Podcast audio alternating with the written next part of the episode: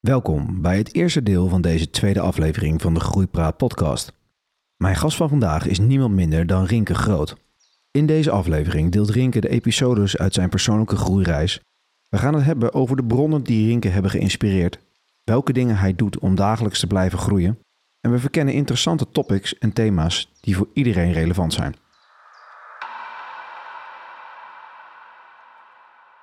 Maar ehm, wat verwacht jij van dit gesprek? Wat zou je, laat ik het zo anders zeggen, wat zou je leuk vinden als we wat we in dit gesprek zouden kunnen verkennen? Ehm, ik zou. eh, nou, ik vind, het, ik vind het leuk om wat te vertellen over mijn reis die ik de afgelopen jaren heb gemaakt. En de dingen die ik eh, aan het proberen ben. En de werelden die ik een beetje aan het verkennen ben op het gebied van persoonlijke ontwikkeling. Ja. Denk je dat daar Dus ook dat nog heeft- eh, dat daar relevante onderdelen in zitten, ook voor eventueel andere mannen om, naar, om, om te luisteren? Zeker, ja. Ja. Dat denk ik Ja. wel. Ja. Ja, Ehm, zonder dat ik mezelf hè, boven andere mensen plaats. Maar ik denk wel dat ik... eh, ik ben heel nieuwsgierig. En ik ben heel erg... ehm, ja, soms wat te bezig met mijn eigen persoonlijke ontwikkeling. En heel bewust van wat ik wil in mijn leven. Wat ik niet wil in mijn leven. Waar ik naartoe wil. ehm, Kun je te bezig zijn, met- kan, kan je te bezig zijn, tussen haakjes, te bezig zijn met je persoonlijke ontwikkeling? Waar merk je dat dan aan bijvoorbeeld? Nou, ehm, nou, toen ik, eh, nou, een simpel voorbeeld. Ik denk van wel, want hè, denk even aan een bodybuilder die zeven dagen per week in de sportschool staat en zijn hele leven in het teken zet van bodybuilding. Dat denk ik, dat, dat zou voor veel mensen te zijn. En als het voor diegene werkt, prima. Maar ik denk dat het wel enigszins richting een obsessie kan gaan. En niet de niks ten nadele van die mensen of van het woord obsessie, dat wat op zich een negatieve bijklank heeft, maar dat hoeft niet zo te zijn. Ehm, ik denk dat. eh, Als je jezelf verliest op- eigenlijk. Ja, ja, wel een beetje. Ik denk dat het, ehm, het zoeken naar de eeuwige balans is het moeilijkste wat er is, maar tegelijkertijd ook wel het belangrijkste wat er is. Ja. Eh, tussen groei en stabiliteit en tussen eh, ja, lol en serieuze zaken. Ja. Tussen groei en hè, waar wil ik naartoe in mijn leven, maar ook genieten van het moment. Ja. Dat kan ook wel een paradox zijn. Ja, zeker. Maar zou jij, ehm, zou jij misschien voor de luisteraars even een heel, heel kort, kort schetsje kunnen maken van eh, wie Rinke eigenlijk is? Zeker, ja. Eh, ik ben ehm, 31 jaar. Ik ben eh, geboren en getogen in Tiel. Ik ben eh, Oh, dat wist ik oprecht daar, ook gewoon eh, niet. Nee? Nee. Oh, grappig. Dat is voor mij ook een nieuwtje. Ja. Ja, Ja. ja, ja, ja. Eh, ik ben eh, daar geboren en getogen. Eh 20 jaar daar gewoond. Ik heb eh, op de vrije school gezeten in eh, Nijmegen. Moet zeggen, dat was een leuke ervaring. En ik denk ook dat dat mij ook wel deels heeft gevormd, hoe cliché dat ook klinkt. Ehm, dat heeft er vooral mee te maken dat je niet zo in het stramien zit daar als op andere scholen. Het is niet zozeer een voorbereiding op het professionele leven of op eh, de middelbare school of op de, de, de opleiding, HBO-opleiding die ik daarna ging doen. Maar het is wat meer met kunst erin, andersdenkende denkende leraren. Ehm, we, hadden, we, hadden, ja, we hadden ook een soort van dansvak, eurythmie, waarbij je dus ook wat meer naar, de, naar je lichaam gaat kijken en bewegingen en hoe dat ook je energiestroming anders maakt binnen je lichaam. Oké, netjes. Dat soort dingen. Ehm, Vrije, vrije school, zeg je. vrije school, Vrije ja. Oké. En toen en daarna? Eerst nog thuis blijven wonen bij mijn ouders. Toen naar Utrecht verhuisd. Of de, ja, later naar Utrecht verhuisd. eh, op de HBO. eh, ik heb eh, International Business gedaan op het HBO. Ook twee keer naar het buitenland geweest. Super vet. Mooie, mooie, hele mooie tijd. Welke ben, landen, welke landen ben je, ben je zeg maar, je, je minors gaan doen?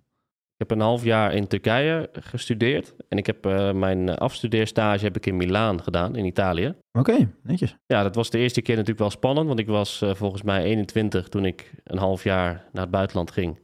Ja, eh, Ja, dan ben je net... Ben je een ja. broekie, ben je ja, jochie? Ja, dan ga je de wereld verkennen. zo is dat. Dus dat was wel even eh, ja, leuk en spannend. Maar waar, En, kwam die, eh, waar kwam die drang bij jou vandaan om, om, om dat, dat in het buitenland te zoeken? Ehm, één, het moest van, de, van school. Dus je moest eh, van de, zeg maar, de twee stages en de minor moest je er twee van in het buitenland doen. Oké, dus het was geen, het was niet Dus echt het was, geen, was geen keuze. Ehm, Maar ik zag het ook als een kans. En eh, ja, ik woonde toen al wel op kamers in Utrecht. Dus ik had al wel een beetje wat, wat van de vrijheid geproefd die het studentenleven in Utrecht eh, kan brengen. Ja, ja, ja. Ehm, zeker, maar dit was natuurlijk wel even next level. Ehm, en ja, ik heb er ook wel maximaal van genoten. ja. Het was ook echt, eh, ja, het was meer vakantie dan dat het werken was. Of, of studeren was, als ik ja, ben. dat, dat hoor ik van meerdere, ja. Natuurlijk afgestudeerd, ehm, net zoals velen op dat moment. Ik, ja, ik was 24. Ik had net een, een, ik had een eerste salesbaantje op dat moment. Bijbaantje bij een eh, bedrijf wat autosoftware verkocht. En ik dacht, ja, op dat moment dacht ik, nou prima, lekker bijverdienen. En ik kon ook wel een leuke bonus daar verdienen. Eh, maar ik wist niet wat ik precies met mijn leven moest. Toen kwam er een vriend eh, van me, die belde mij op en die zei... hey, ehm, ik zit in de recruitment en eh, nou, misschien is het wat voor jou. Kom eens praten. Nou, dus ik, ehm, ik ben daar op gesprek geweest. Het was in Amsterdam. En het leek me wel lachen of zo. Ik dacht, ja... ehm, Why not? Why, why not? Ja, en het sales sprak me wel aan. En dat stukje HR wat erbij komt kijken sprak me aan. Dus ik heb daar een contract getekend. Maar ik kwam er al heel snel achter dat je in recruitmentland... eh dat je daar heel veel van die cowboypartijtjes hebt... die Ja. gewoon wat cv's over de bühne schuiven... Ja, ja, ja, en weer door, eh, hoge targets, eh, overwerken, allemaal ja, heel, ja, wel, wel een hoge werkdruk. En ik ben niet per se anti-hoge werkdruk, maar het was wel behoorlijk extreem daar. En er werden ook de, regelmatig werkte mensen ook op zaterdag of op zondag. Ik dacht, ja, dat is niks voor mij. Hier moet ik zo snel mogelijk uit. Dus toen ben ik eh, gestopt en toen ben ik bij, daarna bij, ehm, ik weet niet of ik de bedrijfsnaam hier mag noemen, bij, bij Page, Michael Ja, Page eh, ja, beland. Ja, kijk, we, smeuren niemands naam dus. precies. Ja.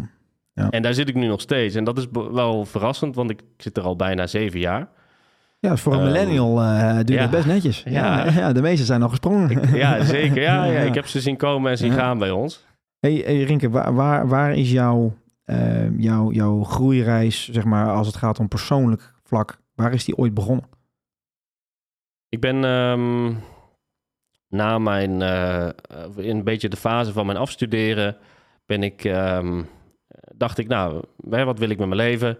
Dan komen, hè, dan komen bepaalde vragen die je als puber natuurlijk nooit aan jezelf stelt. Nee. Die komen dan opeens eh, naar voren. Of, Of die worden aan je gesteld? Die worden aan je gesteld. Of Ja. dan hebben heb je vrienden. Ik had toen een aantal vrienden, waaronder ook Berend, die jij dan ook weer kent. Ja. Die was ook op dat moment met persoonlijke groei en ontwikkeling bezig. Die was zichzelf ook vragen aan het afsta- aanstellen. Ja, ja, ja, zeker. Nou, Ja. ik ben ook zo in die hoedanigheid met jou in contact gekomen. Ehm, en toen ben ik, op een gegeven moment kwam ik een boek tegen. En dat, ik heb hem ook meegenomen hier. Ja, Dus, ik zag eh, het, ja. Je hebt een, je hebt een eh, aantal, Ik heb een even voor de aantal... luisteraars, hij heeft een aantal hele mooie boeken meegenomen, waar, die ook, waar we later zo meteen nog even in zullen duiken.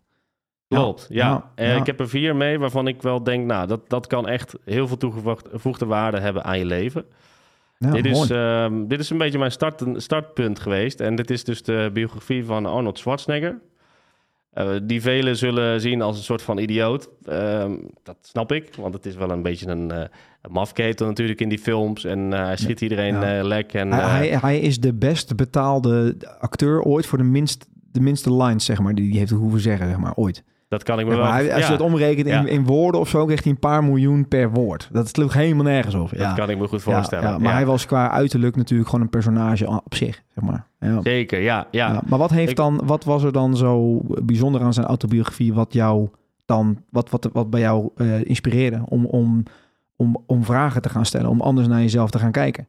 In een ander perspectief naar jezelf te kijken of naar de wereld?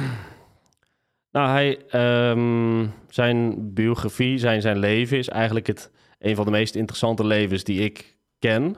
Ehm, ik ken hem natuurlijk niet persoonlijk, maar ik, ja, in zijn biografie beschrijft hij hoe hij als eh, jonge gast van 18, 19 zonder iets met een extra setje kleding op het vliegtuig stapt naar de VS. Eh, op dat moment om eh, bodybuilding kampioen te worden. En, ehm, met, met een droom, want hij was er toen nog niet. Hè? Even Precies. Hij was ook nog niet eens Hij- heel groot toen, toch? helemaal Nee. niet. Nee, niemand kende Nee. hem. Ehm, en uiteindelijk heeft hij het klaargespeeld om dus de, ja, de meest bekende bodybuilder ter wereld te worden. ja, dat is al dus- een prestatie op zich. Zeker. Eh, ik bedoel, ook, als je, ook al heb je niks met bodybuilding, dan nog Ja, alleen maar bewondering. Ik bedoel, ehm, Als je ja, ziet wat er voor, voor moet gebeuren om dat te bereiken. En er zijn een hoop mensen die, eh, die, eh, die ook meedoen. Dus eh, dat is al een prestatie op zich, ja. dat, ja. Ja. En ehm, nou ja, niemand kende hem. Hij sprak nauwelijks Engels. Maar eh, nou ja, hij heeft dus die bodybuilding wereld uitgespeeld. En hij is later dus ook eh, ja, de best betaalde acteur geworden op dat moment in Hollywood. Ja. Terwijl, ja, hij heeft zijn naam natuurlijk tegen. Ik bedoel, ja, Schwarzenegger, niemand kon het uitspreken op dat moment in de VS. Nee. Eh, hij sprak natuurlijk eh, ja, Engels met een ontzettend Duits accent. Ja, Ja. dat werkt ook niet mee bij die studio's natuurlijk. Nee. Die nemen- veel liever iemand aan die gewoon native eh, Ja, American spreekt. Ja. Ehm, dus dat, dat krijgt hij dan wel voor elkaar. Ehm, en hij is op zijn dertigste miljonair geworden door beleggingen, eh, slim met zijn geld omgaan, appartementen kopen. Ehm, en later is hij dus nog, ook nog gouverneur geworden van Californië. Ehm, Ja. Ook als, ja, als immigrant, wat ook best wel bijzonder is, zonder politieke achtergrond. Ja. Hè, of, hij of hij het goed heeft gedaan of niet als gouverneur, dat even terzijde. Maar Ja, het feit dat hij er al op die plek is eh, komen zitten. Weet je dat Californië, dus als je dat als land zou zien, is het dus de zesde economie ter wereld.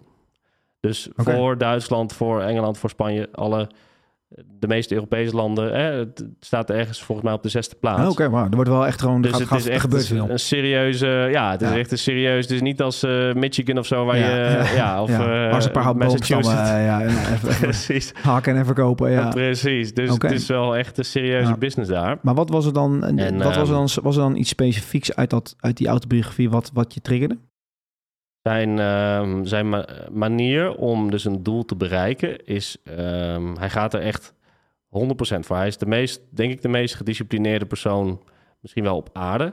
In dus jouw beleving? in mijn beleving, hè, tuurlijk, ik ken natuurlijk niet iedereen, maar Nee, nee, eh, nee, ik heb het idee dat hij, hoe hij Of was het op dat Het moment, toen je het leesde? Zeg, toen, toen het Ja, las, toen- sorry. Ja, zeker. Ja. nee, dus dat, eh, op dat moment eh, heeft dat dus heel veel indruk op me gemaakt. Want hij, hij, hij stelt zichzelf een doel. En eh, hij visualiseert letterlijk hoe hij dat doel ook bereikt of bereikt Ja. heeft. En ik denk dat dat heel, heel krachtig is. Want je zegt inderdaad, hij, ging naar de VS. Je zei net, hè, hij, heeft, hij was op dat moment nog niks. Maar hij had wel die droom al om wereldkampioen Ja. bodybuilding te worden. Ja, ja, Eh, dus het, hij was niet niks. Hij was van binnen, had hij het zeg maar al gefixt, geschaft. ja, ja, ja, ja. En dat is heel erg... eh, dat vergeten mensen, denk ik. Hè? De, hoe belangrijk je, je inner wereld is eigenlijk Ja. ten opzichte van... Ja. Hè, eh, het komt vanzelf en het, het komt niet vanzelf, maar je moet ervoor werken. Maar het, het moet van binnen moet het al vorm hebben gekregen. Want je kan niet bij toeval gouverneur worden of de best Nee. betaalde acteur worden. Nee, meestal moet een- loopt dat niet zo, nee. Dan Nee, moet een nee. Ja, Maar je kan- je kan- al zitten. Ja, maar kijk, weet je wat wel kan gebeuren? Dat zie je soms ook wel eens dat mensen bijvoorbeeld goed zijn ergens in.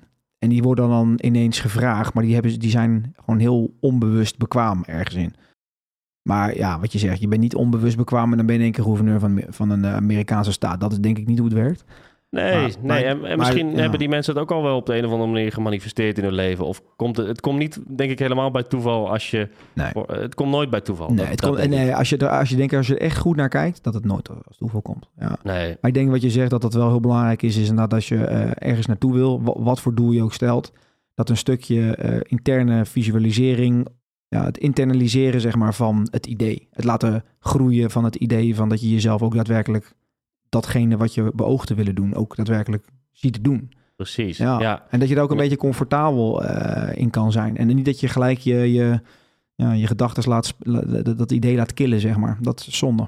Dat je dan denkt, nou, ik kan het toch niet. Ik kan het hè, toch niet. Ik ben nee. toch niet goed genoeg. Laat maar. Precies. Ja, dat is en dan- dat, dat is ja, zonde. Ja, dat dat, is is weer je- zonde. Dat is weer je ego eigenlijk wat Ja. dan spreekt en wat je zelf beschermt tegen het eventueel falen. Ja, Ja, ja. ja nee, dat, houdt, Maar- dat zal ongetwijfeld een hoop, hoop kindjes eh, eh, killen. Ja. Of hoe noem je dat? Ki- De, de hoop darlings eh, killen. zeker. Ja, zeker. Ik stel dat het een beetje voor als een. ehm, nou ja, je, een zaadje wat je plant en dat zaadje gaat groeien door, hè, doordat jij visualiseert dat het er, er is of dat het er komt. Ja. Ehm, en als je stopt met visualiseren, dan komt dat zaadje ook niet op, zeg maar. Nee, dus het moet, nee. je moet het ook wel blijven doen.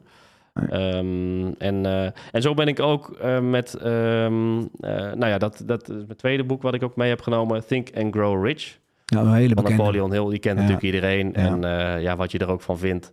Het is eh, behoorlijk oud. Het, het komt uit de jaren 30 volgens mij. Ja. Maar de titel zegt het eigenlijk al. Het is niet hè, work hard and grow rich of Nee. win, win the lottery and grow rich Nee, Het is is Think, think and Grow Rich. Grow vasthouden? Mooi moet daar achter die think moet een punt, want het is eigenlijk gewoon hè, het denken. Ja. ja nee, maar, maar en, en wat, wat was hieraan specifiek iets?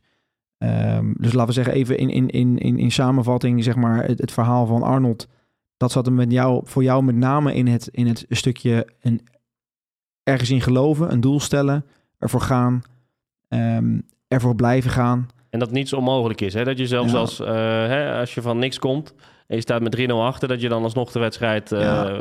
by far kan winnen. Ja, en dat is natuurlijk ook wel een, eh, dat is wel, ja, dat vind ik wel een mooie. En, en wat deed dat dan specifiek voor jou, die, die les? Want zat je dan bijvoorbeeld met bepaalde gedachten van, had jij het gevoel dat je 3-0 achter stond bijvoorbeeld, of helemaal niet? Of, of gaf het meer richting, zeg maar? Of, of, of was het meer een inspiratie waarvoor je, waarvan je dacht, hey, dat zou ik ook wel eens op mezelf kunnen toepassen?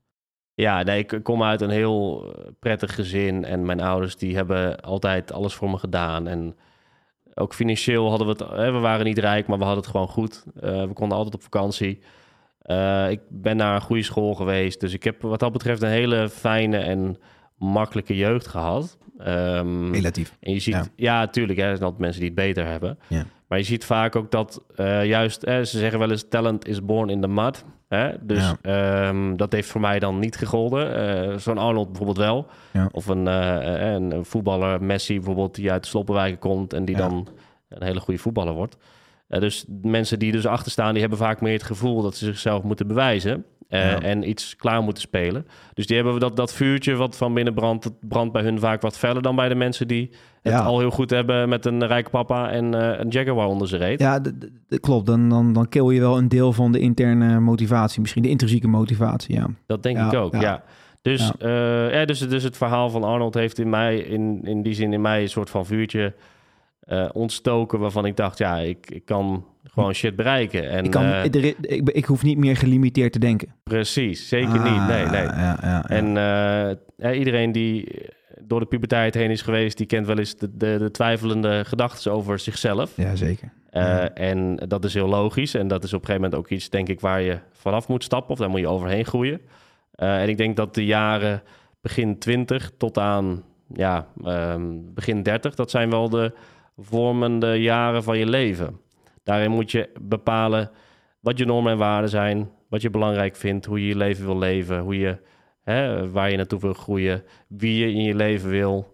Ehm, ja, hele belangrijke vragen moet je op dat moment, eh, denk ik, fixen. Want eh, Wat, wat als je dat is- niet doet dan? ja, ik denk dat dan word je denk ik voorbijgestreefd. Het is, het is en blijft een, in zekere zin een soort competitie, het leven.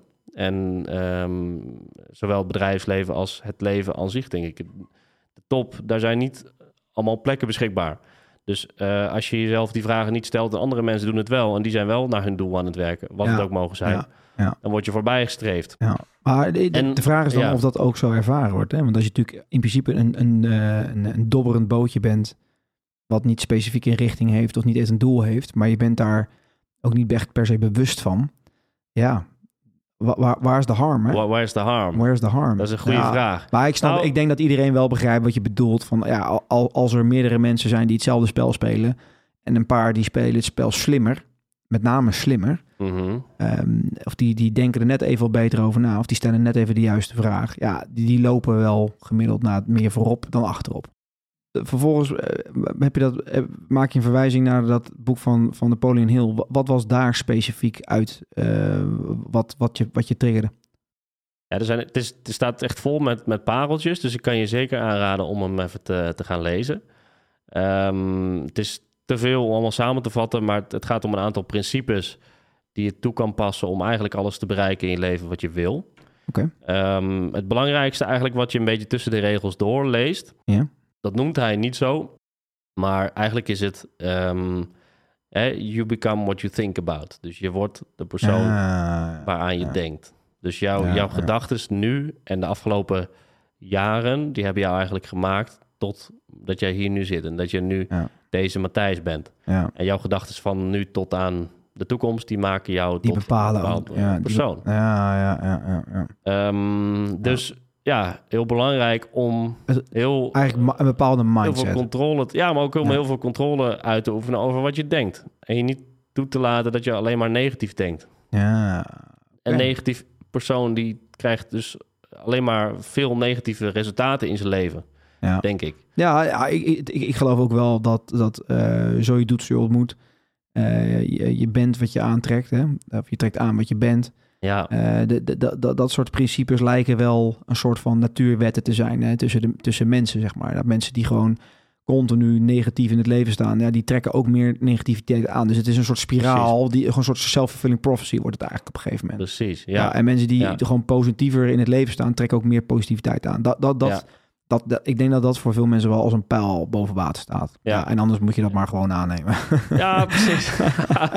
ja, ik bedoel, je kunt het niet bewijzen. Ja, hè? nee, We nee. kunnen je niet zeggen, omdat, ik nu negen, omdat ik nu positief denk, heb ik over een paar jaar heb ik een, eh, weet ik veel, heb ik een miljoen of zo. Het is niet zo simpel als dat. niet, maar ik geloof inderdaad heel erg in de, Nee. de energie die je uitstraalt naar de wereld en Ja. de, de mindset, die bepaalt uiteindelijk wat er Ja. terugkomt. Dus een Ja. beetje de, de universe die geeft je dan wat je uiteindelijk hebt gedacht. Ja, zeker. Ja, zeker. Ik, ik denk dat ik hem ook wel, wel concreter zou kunnen maken zelfs. Want Dat, dat op het moment dat jij eh, dat, eh, ja, gewoon niet lekker in je vel zit, slecht voor jezelf zorgt, veel negativiteit eh, naar jezelf uit. Ja, andere mensen pikken dat op, bewust of onbewust. En als je het, om, het roer omdraait en je straalt er nou positiviteit uit en een prettige sfeer, eh maak je ook een leukere gesprekspartner. Zeker. Komen er ook meer kansen jouw kant op rollen? Ja. Kan het ook zijn dat iemand een keer denkt... hey, die gozer die kan ik wel een keer wat vragen... of die zou die misschien een keer mij ergens mee kunnen helpen? Of er zijn gewoon deurtjes die open gaan... die anders al gesloten blijven. Die, ze gaan niet per se dicht... Ja. maar ze gaan gewoon niet op een kier of open. En ik denk dat dat... Je kan moeilijk voorspellen welke deurtjes dat zijn... maar is het niet prettiger dat als jij door het leven loopt... dat er overal links en rechts gewoon deurtjes op een kier staan... in plaats van dat ze dicht zijn? Snap je? 100 En, fucking en, procent. ja, en, en, en Amen. ja, nou, toch? Ja. Ja. En hoef je er niet, niet altijd per se wat mee, maar het, het geeft gewoon aan dat je, je, je, je, je maakt gewoon meer kans.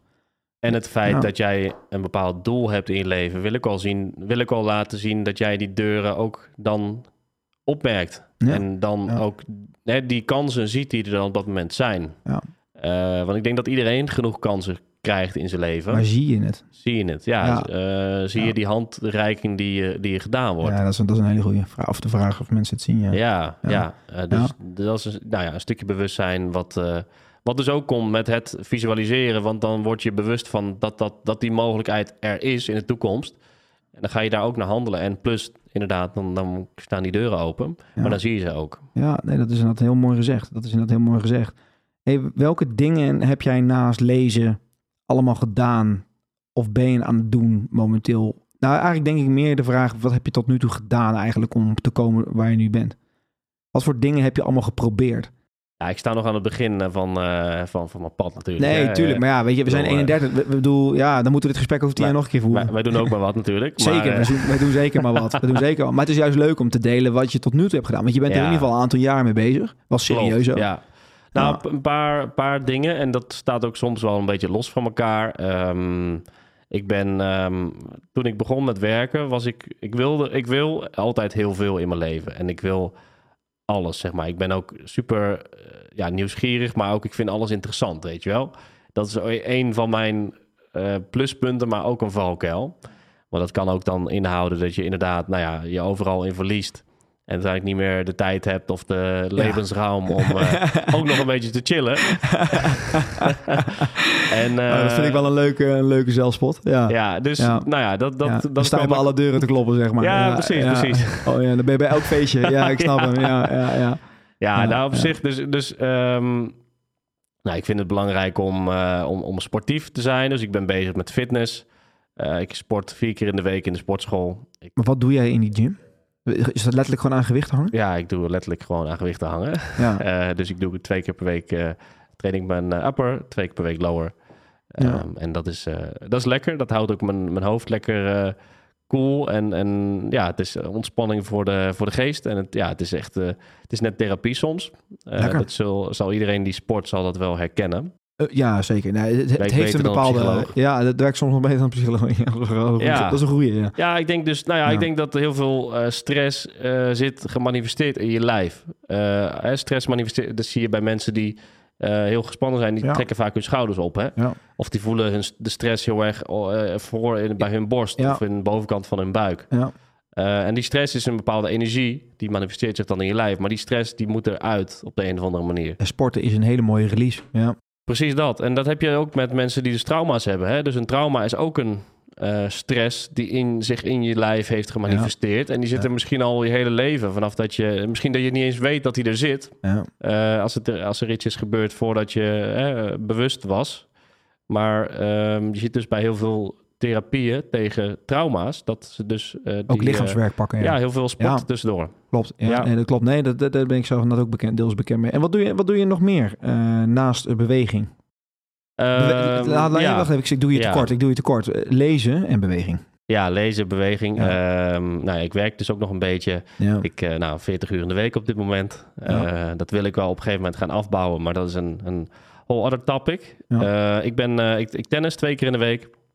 Ik ben, ehm nou, de laatste jaren ben ik, eh, nou, ik, merkte dus dat ik wat, eh, toen ik begon met werken en ik wilde dus heel veel in mijn leven en ik wilde eigenlijk alles, eh, ben ik ook wel erachter gekomen dat ik, het, dat ik mezelf ook te druk aan het maken was. Dus ik sliep een tijdje niet lekker. Ehm, en ja, dat gaf me ook niet een chill gevoel. En ik dacht, ja, ik ben begin twintig en ik ben best wel vaak moe, dus dat wil ik anders. Ja. En toen ben ik eerst, eh, ik ben een beetje gaan mediteren op dat moment. En ik ben toen met, eh, eerst met mindfulness begonnen. Mhm. Met een app, eh, nou ja, Insight Timer of, of Headspace. Dat is een van die apps Ja. die, nou, die kent iedereen wel. De meeste die... Ja. Nou, laten we zeggen voor degene die mediteren. Ja. Precies, Ja. ja. Dat zijn wel de, de bekendere. En dan krijg je dus iemand die praat tegen je en die vertelt je dan waar je op moet letten.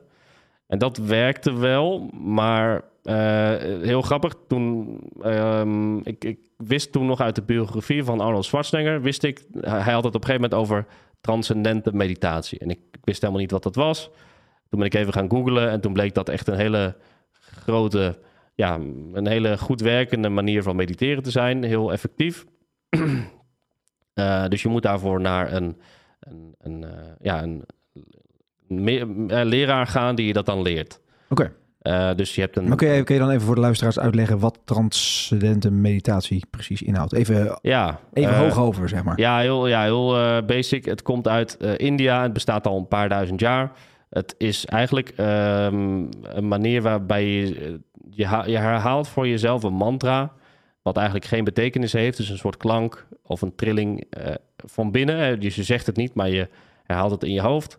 Waardoor je eigenlijk je hoofd kan uitzetten. Dus eh, je vervangt je gedachten door iets wat geen betekenis heeft. En daardoor stopt je hoofd, stoppen je gedachten. Oké, maar, maar even voor de kritische luisteraars die denken, hè, maar ik mediteer ook, maar de meeste meditaties focussen zich op het richten van je aandacht op je ademhaling. Precies. En is dit dan een soort van alternatieve vorm daarvan? Wa- Want doordat je je dus focust op het herhalen van dat, van, van dat Ja. ene wat jij net omschrijft, ben je eigenlijk, eigenlijk hetzelfde aan doen. Je richt je aandacht op het hier en nu, automatisch, als, bij- als bijvangst, zeg maar. Eh, het probleem vind ik, vond ik toen ik begon met ademhalingsmeditaties, dat Ja. dit inderdaad een soort mindfulness is, Ja. dan ehm, ben je alsnog ben je iets aan het doen en moet je iets blijven doen, zeg maar. Dus er komt een bepaalde, ehm, ja, een, bep- een moetje wordt het een soort van. Je moet iets blijven doen en je moet ook op een gegeven moment blijven ademhalen om, hè, als je daarover na gaat denken, dan en je stopt met nadenken over ademhalen, dan stop je ook met ademhalen, zeg maar. Dus een automatisch proces eigenlijk ga je dan beïnvloeden. Eh, ja, ik, ik, zie het echt, ik zie het anders hoor. Ik, ik zie het echt als, ehm, als ik het doe, ik doe het elke dag, 10 tot 15 minuten eh, voordat ik naar mijn werk ga. Ehm, ik ga gewoon zitten. En meestal in de, in de ochtend merk ik ook trouwens op dat mijn gedachten wat meer, soort van, die starten lekker op, zeg maar, als een soort vliegtuig die net de lucht in vliegt. Dat is ook logisch, hè? want 's ochtends maak je dus veel meer cortisol aan om dus Ah, wakker te worden. Ah, Oké, dus, Dus, dan is het... ook- hormonen maken het eigenlijk al moeilijker om ja, stil te zitten en gefocust te zijn. Ja, en dan ga ik zitten op mijn stoel. En dan eh, richt ik me naar het licht. Op een of andere manier vind ik dat prettig. Ehm, en dan sluit ik gewoon mijn ogen. Het enige wat ik kan doen ben, is gewoon mijn focus, mijn aandacht te focussen op het vullen van mijn longen met, wanneer ze eh, zich vullen met lucht. Ja, En eigenlijk mijn, mijn aandacht vliegt naar mijn buik, zeg maar, op het moment dat, mijn, dat ik mijn, eh, mijn, mijn adem uitblaas. En, al- en dan het enige wat ik kan doen ben, is af en toe even opmerken, oh, ik ben raak weer afge, afgedwaald in mijn gedachten. En dan precies. pak ik weer terug. Ja. Dat, is- maar je bent wel daarmee bezig, inderdaad. Zeker. Je, bent actief, ja. je bent actief je aandacht aan het richten. Ja, Nou, wat je zegt, het, het, het werkt. Ik geloof eh, een aantal dingen die ik daarop kan zeggen. Eh, ik denk, als je dus, jij voelt je ademhaling hè, en voelen en denken tegelijkertijd, dat gaat eigenlijk niet. Hè? Dus, en je voelt ook altijd in het nu. Je kan nooit voelen in de toekomst of in nee. het verleden. Nee, Nee. je denkt altijd in de toekomst en het verleden, maar je denkt eigenlijk nooit in Ja. het nu. Ja. Dus een hele effectieve manier om je gedachten uit te zetten is om te voelen. En letterlijk je lichaam of je ademhaling Ja, te voelen. dat, is, dat is ook eigenlijk de reden waarom de ademhaling vaak gepakt wordt. Want hij is altijd aanwezig. Precies. Tenminste, als het Ja, goed is. Precies.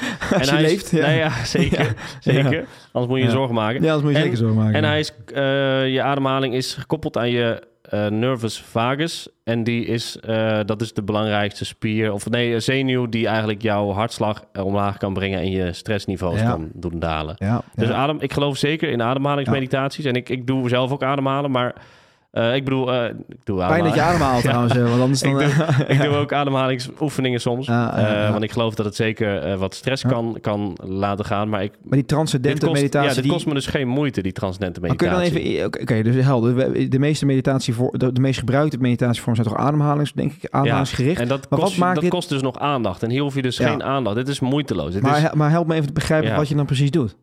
dus ik zit in een stoel. en Ja. je leert dus van die... Ik kan het niet precies uitleggen. Hè. Het, is, het is iets te ingewikkeld nu. Want ik heb er een soort van cursus gevolgd. Ik ben drie keer naar zo'n guy gegaan die me dat heeft geleerd. Oké.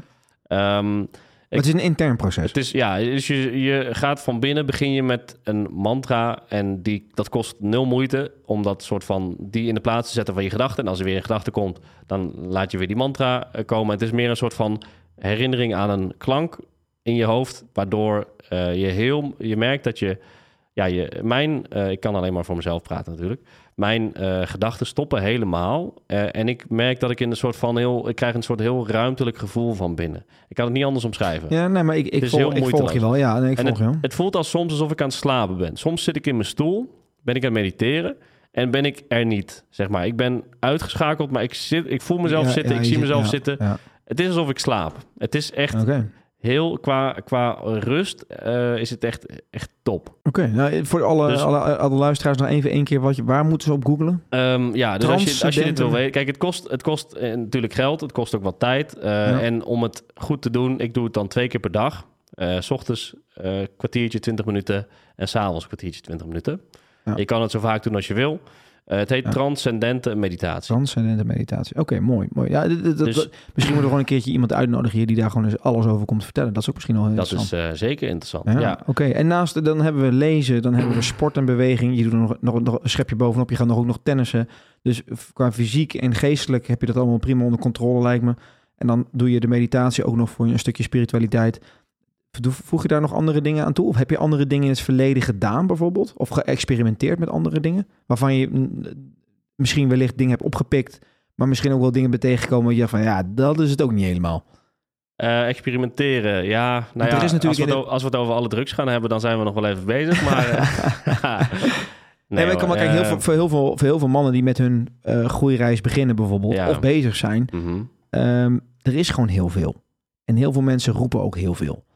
Ehm, dus ik kan me heel goed voorstellen dat, zeker als je nog wat, wat, wat, wat zoekende bent, of eh, het ook nog niet, nog niet helemaal je, je plek en je stabiliteit hebt gevonden, dat, je, ja, dat, het, dat het ook wel lekker is om te horen van misschien een andere man van, hey, dit heb ik geprobeerd, maar ja, daar zou ik niet te veel van verwachten, bijvoorbeeld. Het kan ook een stukje verwachtingsmanagement zijn, wat we hier nu kunnen, kunnen bewerkstelligen, zeg maar. Van, kijk, mediteren is gewoon, denk ik, staat als een paal boven water. Dat, dat, daar, zijn, daar zijn de meningen ook niet zo over verdeeld. Precies. Maar er zijn ook wel een aantal van die wat meer, ja, ik wil niet obscuur, ik wil het niet obscuur noemen, maar er zijn ook een paar van die, van die workshops, ik heb ze ook gevolgd, eh, weet je, ehm, die, die, die zijn een soort afgeleide van, en die geven daar een soort draai aan, maar het is allemaal heel erg, ja, experimenteel, onbewezen.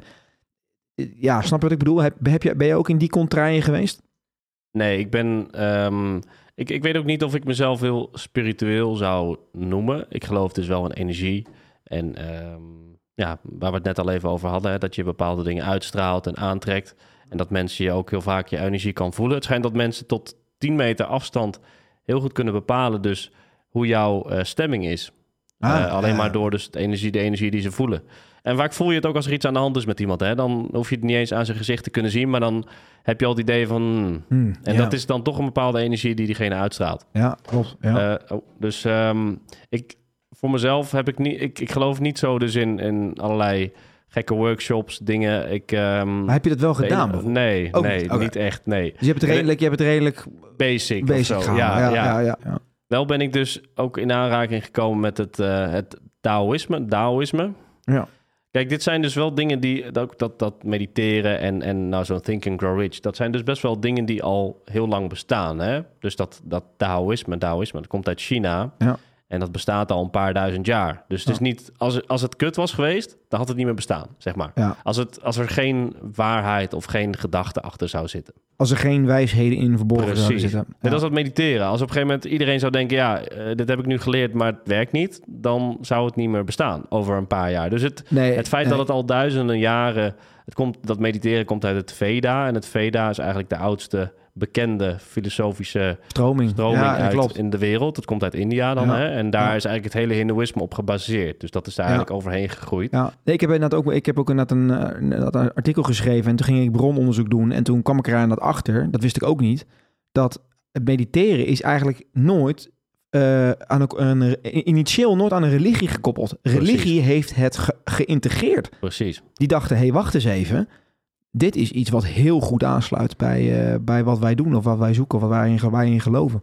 Maar Ja. bijvoorbeeld bidden Ja. is ook eh, mediteren. Hè? Heel veel, ehm, in, in christendom heb je heel veel meditaties en dan zeg je gewoon heel vaak dezelfde zin. Eh, lees, Lord Jesus Christ, please have mercy of zo. En dan zeg je dat gewoon 300 keer. Dus die mantra's, zeg maar, alleen dan zit het, heeft het wel een betekenis. Ja. Maar zo'n mantra, dat, dat zie je ook in elke. Ja, ja, eh, ze hebben daar allemaal stroom. eigen, een eigen afgeleide van Ik gemaakt. ben, eh, ja, ik ben toen een keer in Jeruzalem geweest met eh Berend in ehm, eh, de, nou ja, bij die klaagmuur. En eh, daar heb je een hele grote Joodse bibliotheek zitten naast die klaagmuur. Ik weet niet of je dat kent. Die klaagmuur is een soort. Dat is niet dat, dat mensen aan het klagen zijn daar. Dat is een, eigenlijk een wensmuur, maar het heet een klaagmuur. ja, ja, ja. Dus ik, liep er al te schelden en toen eh, werd ik toch wel even boos aangekeken. en eh, daarnaast heb je dus een bibliotheek. eh, en een van de oudste Joodse bibliotheken met ook allerlei geschriften die bijna niemand meer kan lezen, zeg maar, zo, zo oud. En daar heb je dus allerlei Joden die daar dus hardop die, die versen staan te roepen. Dat is ook eigenlijk een vorm van mediteren, hè? Ja, maar, hoe, maar Dus- hoe, hoe, hoe, hoe- hoezo? Hoezo is dat een vorm van mediteren? Ik snap de herhalingszin wel hoor. Maar, de, maar hoe, hoe, is dat, zou dat meditatie voor het individu zijn dan? Zij, ehm, Hoe zou dat, hoe zou dat laat maar zeggen, toe, laat ik het zeggen, mijn interpretatie van mediteren, ja, mediteren is niet doelloos. Het heeft ten doel, tenminste voor mij persoonlijk, en, en dat is ook eigenlijk waar het ook oor- oorspronkelijk voor bedoeld is, is het vergroten van het bewustzijn. Ehm, hoe vergroot je het bewustzijn door een, een zin honderdduizend keer eh, te, te, te herhalen? Die, die, die zie ik persoonlijk even niet. Nee, precies. Nou, dit is eigenlijk hetzelfde als dus een mantra-meditatie. Dus hetgene wat ik dan doe met dat, met dat eh, eh, transcendente meditatie. Waarbij ja, eigenlijk de, je, ver- je vervangt jouw gedachten voor Voor dat. een bepaalde betekenisvolle. Hè? Dus een, een vers Ja, uit een bepaalde Bijbel of, een, of de Torah. Of een, eh, ja, een betekenisloos iets. Ah, op die Ehm, manier. Ja, en dus dan- het, is, het, is, het is net even anders dan dat je van een afstandje denkt van ja, die, die, die, die, die, die kerel die is gewoon... Ik denk dat die heel keer. erg... Nee, want je, je zag ook echt dat ze echt in zichzelf verkeerd waren. Dus die waren... Ja, ook met hun lijf waren ze een beetje aan het bewegen... en, en dan die zinnen aan het roepen. En het zag er een beetje vreemd uit. Maar ze waren het ook hardop aan het doen. En bij, juist bij heel veel meditatievormen... heb je dus meer die verstilling, hè, dat je van binnen Ja. gaat. Eh, maar het is een bepaalde manier van, van meditatie. Ja, en in- meer in contact komen met... God of eh, en, eh, de energie, de, de collective consciousness of wat, wat het, hoe je het ook wil noemen. Ja, ja, ja, mooi. Bedankt voor het luisteren. Dit was alweer het eerste deel van deze aflevering. In deel 2 gaan we dieper in op een aantal interessante groeithema's en onderwerp ik mijn gast aan een aantal uitdagende stellingen. Wil je meer van dit soort groeiverhalen beluisteren? Neem dan een kijkje op onze website groeimannen.nl of beluister ook andere afleveringen via Spotify, Apple Podcast of Google Podcast. Tot de volgende keer.